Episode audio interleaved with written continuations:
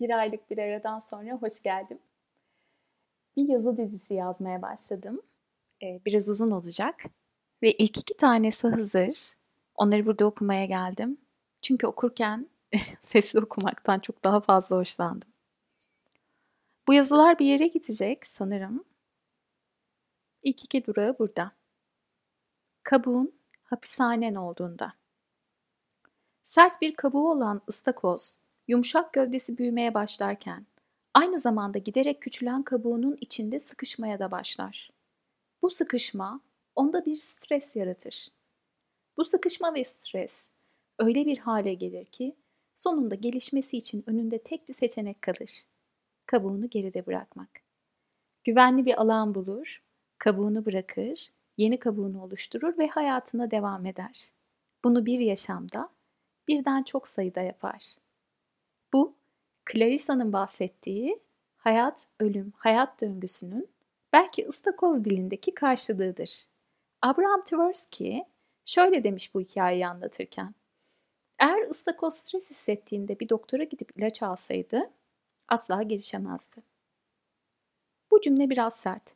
Doktora gidip her türlü ilacı almamız gereken zamanlar olabilir ve buna sakinleştiriciler de dahil, evet. Öte yandan da stres, hayat ölüm, hayat döngüsü gelişimimizin bir parçası olabilir. Sürekli adeta bir proje gibi üstümüze pompalanan, mutlu ol, mutlu olmayı hak ediyorsun, biraz daha mutluluk satın almaz mısın? Alt mesajları. Istakoz kabuklarımızın değişim saatinin geldiğini, bir süre güvenli bir alanda ve belki evet bir kaya altında ya da bir mağarada dinlenmenin ve yeni kabuğu beklemenin de son derece normal olduğunu bize unutturuveriyor. Unutmayıp o stresi deneyimliyorsak bile bir süre bir alanda yeni kabuğumuzu oluştururken de suçluluk ve hatta dışlanma da hissedebiliyoruz. Kabuklarından gelişimini öldürmek pahasına vazgeçmeyenler. Bunu belki de anlamsız ya da tuhaf buluyorlar ve yeni bir normal oluşuyor. Kabuğundan asla vazgeçmeyenlerin normalliği. Istakoz bir oyun bozan belki de. Bir sürü ıstakoz hayal edin. Hepsi bir şekilde anlık mutluluk ve carpe diem yanlış algılanan anlamına takılmışlar. Büyümeyi, kabuk bırakmayı reddediyorlar. Ama doğası gereği bir depremi, bir yanardağ patlamasını engelleyemezsiniz. Ancak biz doğamızı engelleyebiliyoruz onlardan farklı olarak. Doğamıza uygun olmayan hareketlerle yaşantımıza devam ederek psikosomatik kaynaklı olabilecek birçok hastalığı da deneyimliyoruz. Peki, bir köşede yeni bir kabuk yaratmaktan, öncesindeki kimliğimize, kabuğumuza verdiğimiz onca emeği bir anda bırakabilmekten, o kabuk oluşurkenki savunmasızlığımız nedeniyle yalnız kalmaktan duyduğumuz korku için ödediğimiz bedel sizce ne oluyor? Ben bu soruyu her sorduğumda çok sevdiğim bir şiir aklıma düşüyor. Anything or anyone that does not bring you alive is too small for you. Sana canlılık vermeyen herhangi biri, herhangi bir şey senin için çok küçüktür diye çeviriyorum ben de nacizane. İçime, kalbime düşen kelime canlılık. Hayat canlı, an canlı. Hayatınızın asla unutamadığınız, tadı damağınızda kalan anlarında bir dolaşın şimdi zihninizde. Onların hepsi canlı. Bir bebeğin gözleri, gülüşü, kokusu canlı. Birine aşık olduğun o ilk an, kalp atış hızın canlı. Bir iş teklifini kabul ettiğin o an, o enerji, o heves canlı. Bir ağacın karşısında kokusuna, çiçeklerine bakarken ki halin canlı. Üniversite sınavında, herhangi bir sınavda istediğin sonucu elde ettiğin o an canlı. Taze bir sebzeyi, meyveyi ısırdığında dilindeki, damağındaki o his canlı. Sevdiğin bir gülü koklamak için eline aldığında, dikeni kanını akıttığında o an canlı. Bilino Park'ta çığlık çığlığa eğlendiğin o an canlı. Sevdiğin biriyle dudak dudağa olduğun, tenine dokunduğun o an canlı. Bir denizde yüzdüğün, Güneşin gözüne gözüne değdiği o an. Üstüne bir dalga gelip seni alabora etmişken. O bocalanma halin canlı. Hayat canlı. Ama o yaşayan, hayatın içinde olan herkesin canlı olduğu anlamına gelmek zorunda da değil. Senin kabuğun hapishanen olduğunda feda ettiğin bana kalırsa canlılığın işte. Ve hayat her zaman, her zaman canlı olanı destekler. Canlı olanın yanındadır. Canlı olana bolluk ve bereketini verir, şansını verir. Canlı olmaksa yine benim bakış açıma göre hayat ölüm hayat döngüsündeki ölümü kucaklayabilme potansiyelinden geçer. Nehrin canlı olması akabilmesinden geçer. Nehrin pislenmiş olabilir. Kabuğun sıkıştırmış ama bunca yıl sıkışmayı hissetmemek için baskıyı yok saymış, kendini uyuşturmuş olabilirsin. Tamam. Bunlar da normal. Tek bir doğrusu yok yaşamın. Ama yaşamın canlılığı var. Hemen bugün canlılığı yok sayarak şimdiki gibi yoluna devam edebilirsin. Ya da canlı olan ne sorusuyla kendine yeni bir yol çizebilirsin. Seçim hep senin.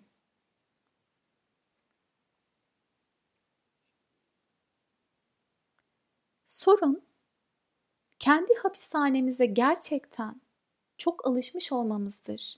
Çok dardır ama öte yandan biz ona çok aşinayızdır. Bu sözler Tarot'un en korkulan kartlarından birini anlatan Yıkılan Kuleye dair yazılmış sözler. Tarot ve Kahramanın Yolculuğu isimli kitapta kule dramatik kurtuluş özetiyle öyle güzel anlatılıyor ki bir hayat dersi gibi defalarca dönüp dönüp okuyorum. Kule, uzun zamandır tutunduğumuz ve bir zamanlar bizim için tamamıyla uygun olan bir şey artık çok kısıtlı, çok naif, geçersiz ya da kabuk bağlamış bir hale gelmiş ve sonunda bizim için yalnızca bir hapishane olmuş demektir diyor kitap. Izdırap da verse hapishanemiz de olsa o şeye tutunuruz. Çünkü alışmışızdır ve insanın en büyük korkusu içine sığamadığı kalıpları, kabukları terk etmektir. Çünkü ona aşinadır. Geri derken konforsuz konforu pek de rahattır insanın. Bu cümleler bana yıllar önce gördüğüm bir rüyayı hatırlatıyor. Rüyada üzerimde muazzam bir saten elbise var ama içinde mutsuzum. Çünkü ikinci giyişimmiş ve ilkinden bugüne kilo almışım. Tam giysiyi çıkaracakken bir boy aynası görüyorum. Ve boy aynasındaki kendime inanamıyorum. Elbise beni olduğumdan o denli zayıf ve zarif göstermiş ki benim hissettiğimle aynada görünen bir değil. Ve elbisede dolgun olmasına rağmen darlığından dümdüz olan göğüslerime yine de memnuniyetle bakıp olsun içinde çok zarifim böyle davete katılabilirim diyorum. Kardeşim rüyamda Yeliz bu olmamış derhal çıkar senin için çok dar derken ben kendi görüntüsüne aşık olan Narkisos gibi aynadaki görüntüme büyülenmiş halde bakıp direniyorum.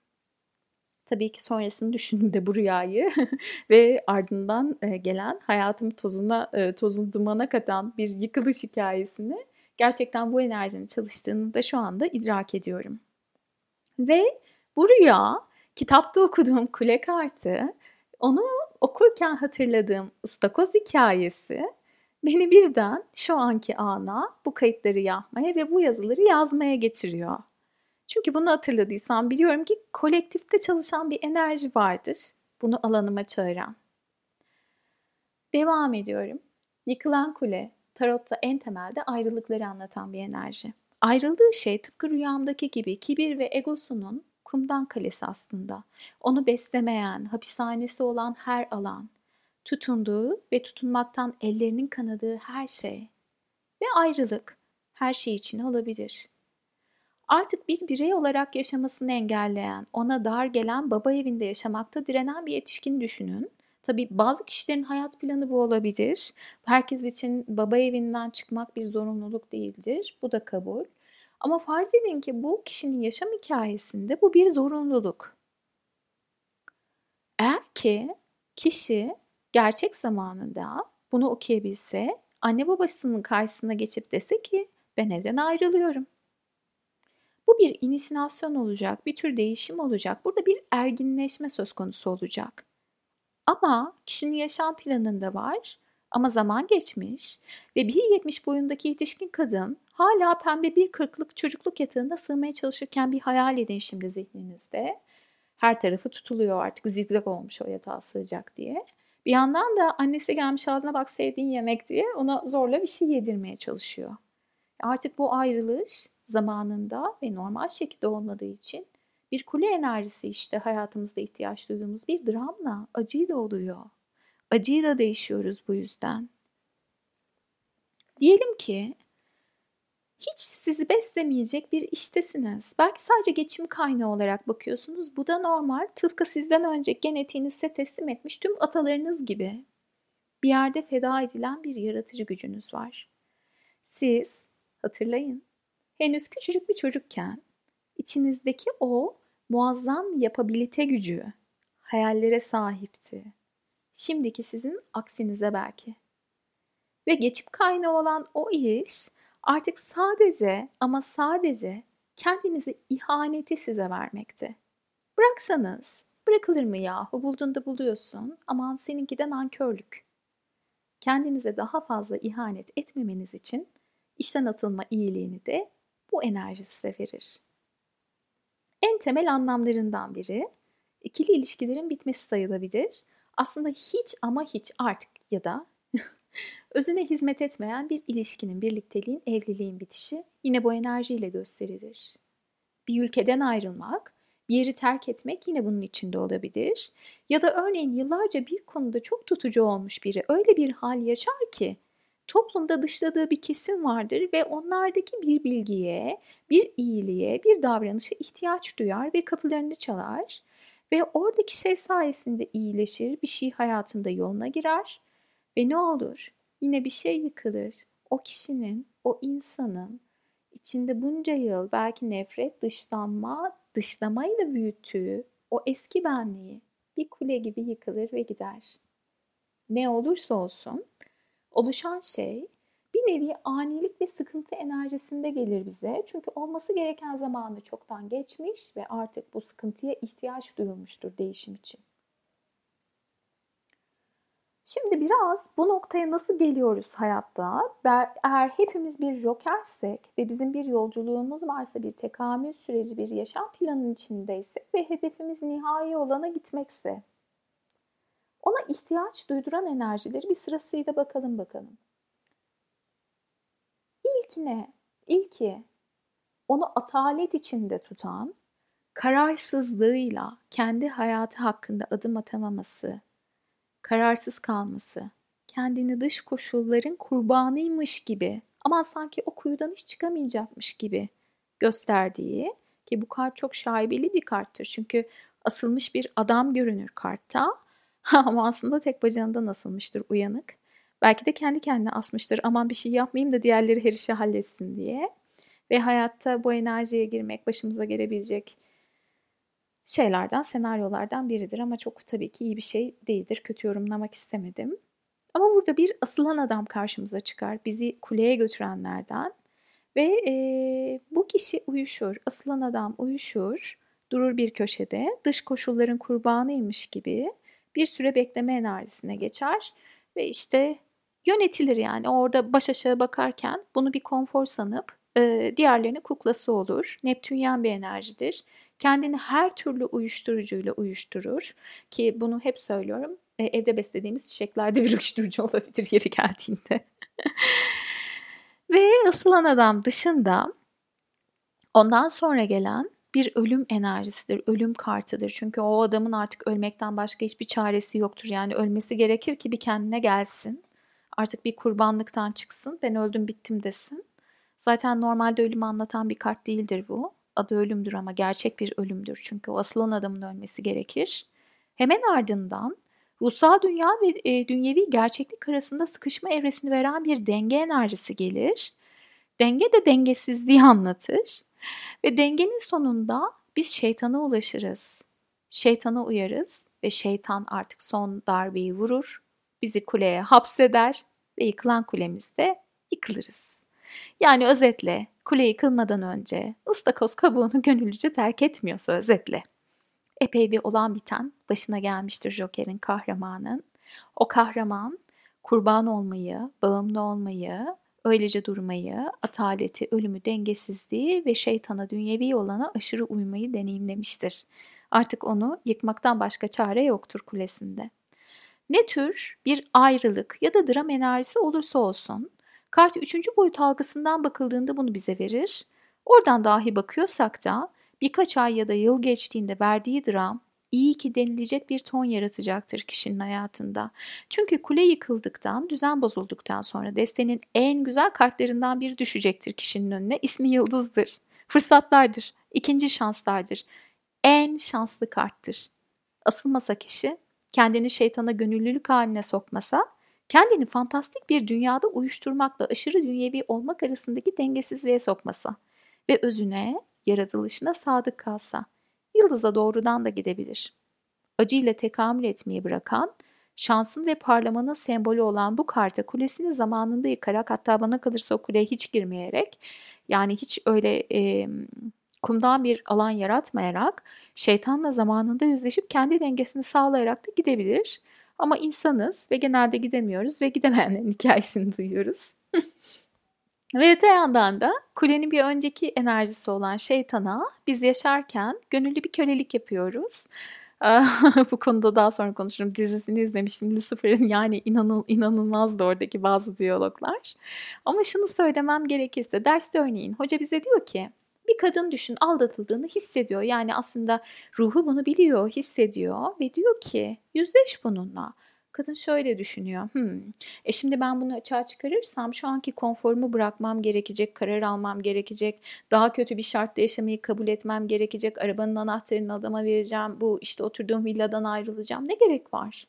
Böyle devam etsin, görmezden gelirim. Ama rahatım iyi. Ben konfor alanımda yaşayayım.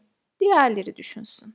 Hem sanki diğer arkadaşlarımın hayatı benden daha mı iyi yapmayan adam mı var? Ne gerek var rahatımı bozmaya? İşte en büyük kolektif yalan. Diğerlerinin hayatı diye bir algı ve rahatı bozmak. İşte kule yıkılmadan şeytana uyuyor insan. Hocanın deyimiyle şeytana gönüllü kölelik ediyor. Seni beslemeyen işi düşün şimdi.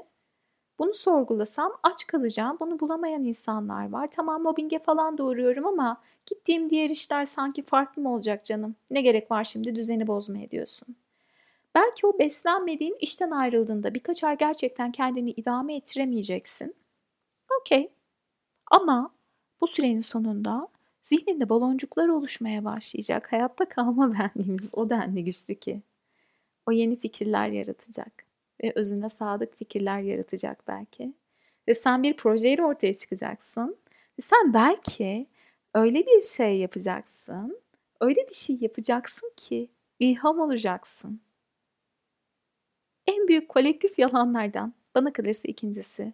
Senin nasibin patronundan, işverenden, kurumundan, şuradan buradan. O olmazsa aç kalırsın. Nereden biliyorsun? Elbette bu yazdıklarımın diğer kutbunu da düşünmek lazım. Ölçülebilir riskleri zamanında almayı her zaman diğer kutba koymalıyız. Çünkü dünyadayız. Ama tüm varoluş nedenimiz dünya düzenine hizmet etmek değil, bana kalırsa denge ve orta yolculuk. Bir önceki yazımla olan bağına gelirsek, çünkü bunun bir yazı dizisi olması niyetiyle yola çıktım. Istakoz kabuğunda kalamıyor, stres ve sıkışmışlıkla kendi kulesini yıkıp gelişiyordu. Ve ne zaman kule ona dar gelse gelişmek için kendi kulesini kendi elleriyle yeniden yakıyordu. Kabuğunu bırakıp yola devam ediyordu. Aynı hikaye bir başka hayvana daha atfedilmişti. Misal, kartallar belli bir yaşa geldiklerinde yaşam ve ölüm arasında bir seçim yapıyorlarmış. Seçimleri yaşamdan yana olursa eğer güvenli ve yalnız bir alana geçiyorlar. Orada önce pençelerini gagasıyla yoluyor. Daha sonra tüylerini, e, ya da tam tersi olabilir. Sonunda gagasını bir kayaya vura vura parçalıyor. Ölmeden ölüyor anlayacağım. Bu sürecin sonunda kendilerine tıpkı bir bilgisayar oyunundaki gibi bir o kadar daha bir yaşam süresi atıyor. Çok şanslıyız. Gerçekten çok şanslıyız. Bakalım şans bunun neresinde? Biz bir kartal ya da ıstakoz kadar cesur olmak zorunda değiliz bu hayatta. Yıkılması gereken kulelerimize yeni duvar kağıtları, yepyeni perdeler seçerek kulelerdeki işlerimizi yeni isimlikler, tatlı kart vizitlikler, işte ünvanlar alarak da düzeltebiliriz biz kulemizi, kendimizi. Hı? Düzeltebilir miyiz? Soruyorum. Düzeltebilir miyiz? Şanslıysak bir yıldırım gelir, hepsini yakar, yıkar ve dağıtır. Şanssızsak ki kabul edelim, eğer burada kendimizi okuyorsak bir nevi şanssız olduğumuzu, özgür iradeyle bir şey yapmasını kabul etmek lazım insanın kendisine. Çünkü işi doğa kanunlarına bıraktın. Artık yolun zırt dediği yerine geldin, sonuna geldin. Sen ölmüş bir kulede sana hiç hizmet etmeyen bir düzenin, yapının içinde orada ölebilirsin de. İlahi olan seni oradan kurtarmak zorunda değil. Birçok insan orada yaşayıp ölüyor belki de. Öldüğünde ne oluyor? Yıldızı tanımıyor. Yıldızı tanımıyor. Kuleden sonra yıldız geliyor ama yıldızı tanımıyor. Güneş geliyor. En mutlu kart. Güneşi tanımıyor. Ayı tanımıyor. Ve destenin sonuncusu Joker'i ölümsüzlüğü veren, ölmez otunu bulduran kart. Gerçek tamamlanmayı, gerçek birlikteliği, gerçek dünyayı ki inanın o bizim algıladığımız dünya değil, bize veren kart. Dünya kartı, büyük arkanın, arkanının yani büyük sırrın sonuncu kartı. Joker asılan adamdan, şeytandan, kuleden geçip onu tanıyamıyor. İşte gerçekten eğer dünyevi anlamda kendimizi şanslı hissediyorsak bilelim ki gerçek dünya kartına enerjisini hiçbir zaman geçemiyoruz. O bu değil. Yolculuk, dünyaya yolculuk. İnsanın bütün hayat senaryolarını anlatan bu kartlarda büyük arkanalar, o 20 arkanalar 22 kart sıfırla başlayan, jokerle başlayan ve dünya ile biten bu yolculuk ölümsüzlük demek. Gerçek birlik demek. Asılan adamın tam tersi. Orada bir kadın var ve düz halde. O da bacağını asılan adam gibi yapmış. Ama asılmış değil, uçuyor. Joker'in, sıfır olan Joker'in 21 ile bütünleşmesi, 22 yolculuktan geçmesi. Ama her Joker dünyayı görecek diye bir şey yok. Dünya, Şems'in o güzel sözü gibi. Nereden biliyorsun sen dünyanın altının üstünden daha güzel olmadığını diyen ve bize öğretilen, şeytanla buluştuğumuz o sahte dünya algısını yıkan. Çünkü yine kitabın dediği gibi bizim gerçeğe dair çizdiğimiz tabloları biz her zaman gerçeğin kendisinden çok daha fazla severiz.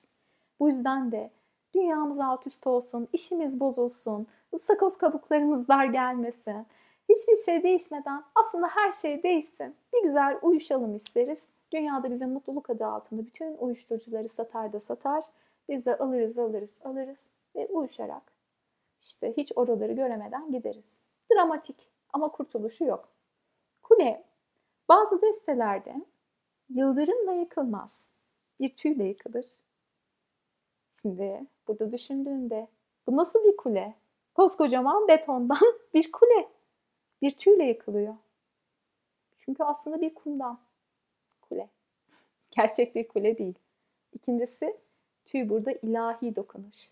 Yani o seni tokatlıyor, yıldırımı gönderiyor ama bil ki bu tüy aslında sana. Tüy gibi dokunuyor. Yapabileceği en naif şeyi yapıyor bununla da.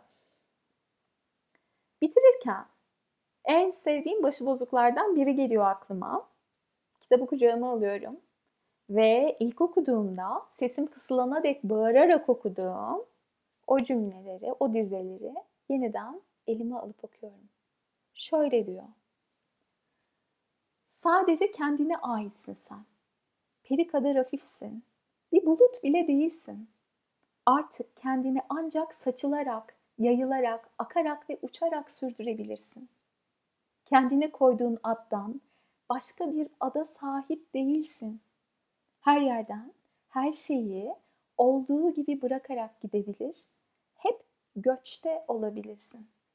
Dokunduğun hiçbir şeyde izini bırakacak, gördüğün hiç kimsede adını biriktirecek değilsin. Yolculuk sürdükçe her bir şeyde ne çok şey görebildiğini göreceksin. Gözünü göreceksin kendi gözünle. Gözünü gördüğünde bir başkasına anlatılamayacak kadar yükselecek, yükselecek, yükselecek, yükseleceksin. Yüksekteyken kalabalıkların bu seni yeni gövden için çok küçük olduğunu seçeceksin. Biraz daha yükselirsen eğer, köksüzlüğün yasını tutmayacağın bir yere geleceksin. Sen artık kendinden ibaretsin. Sırf sana aitsin sen. Bu olabilecek en kalabalık, en çok halidir insanoğlunun. Tadını çok seveceksin. Yeniden birilerinin bir şeyi, en kıymetli şeyi bile olmayı istemeyeceksin. İstesen de pek beceremeyeceksin.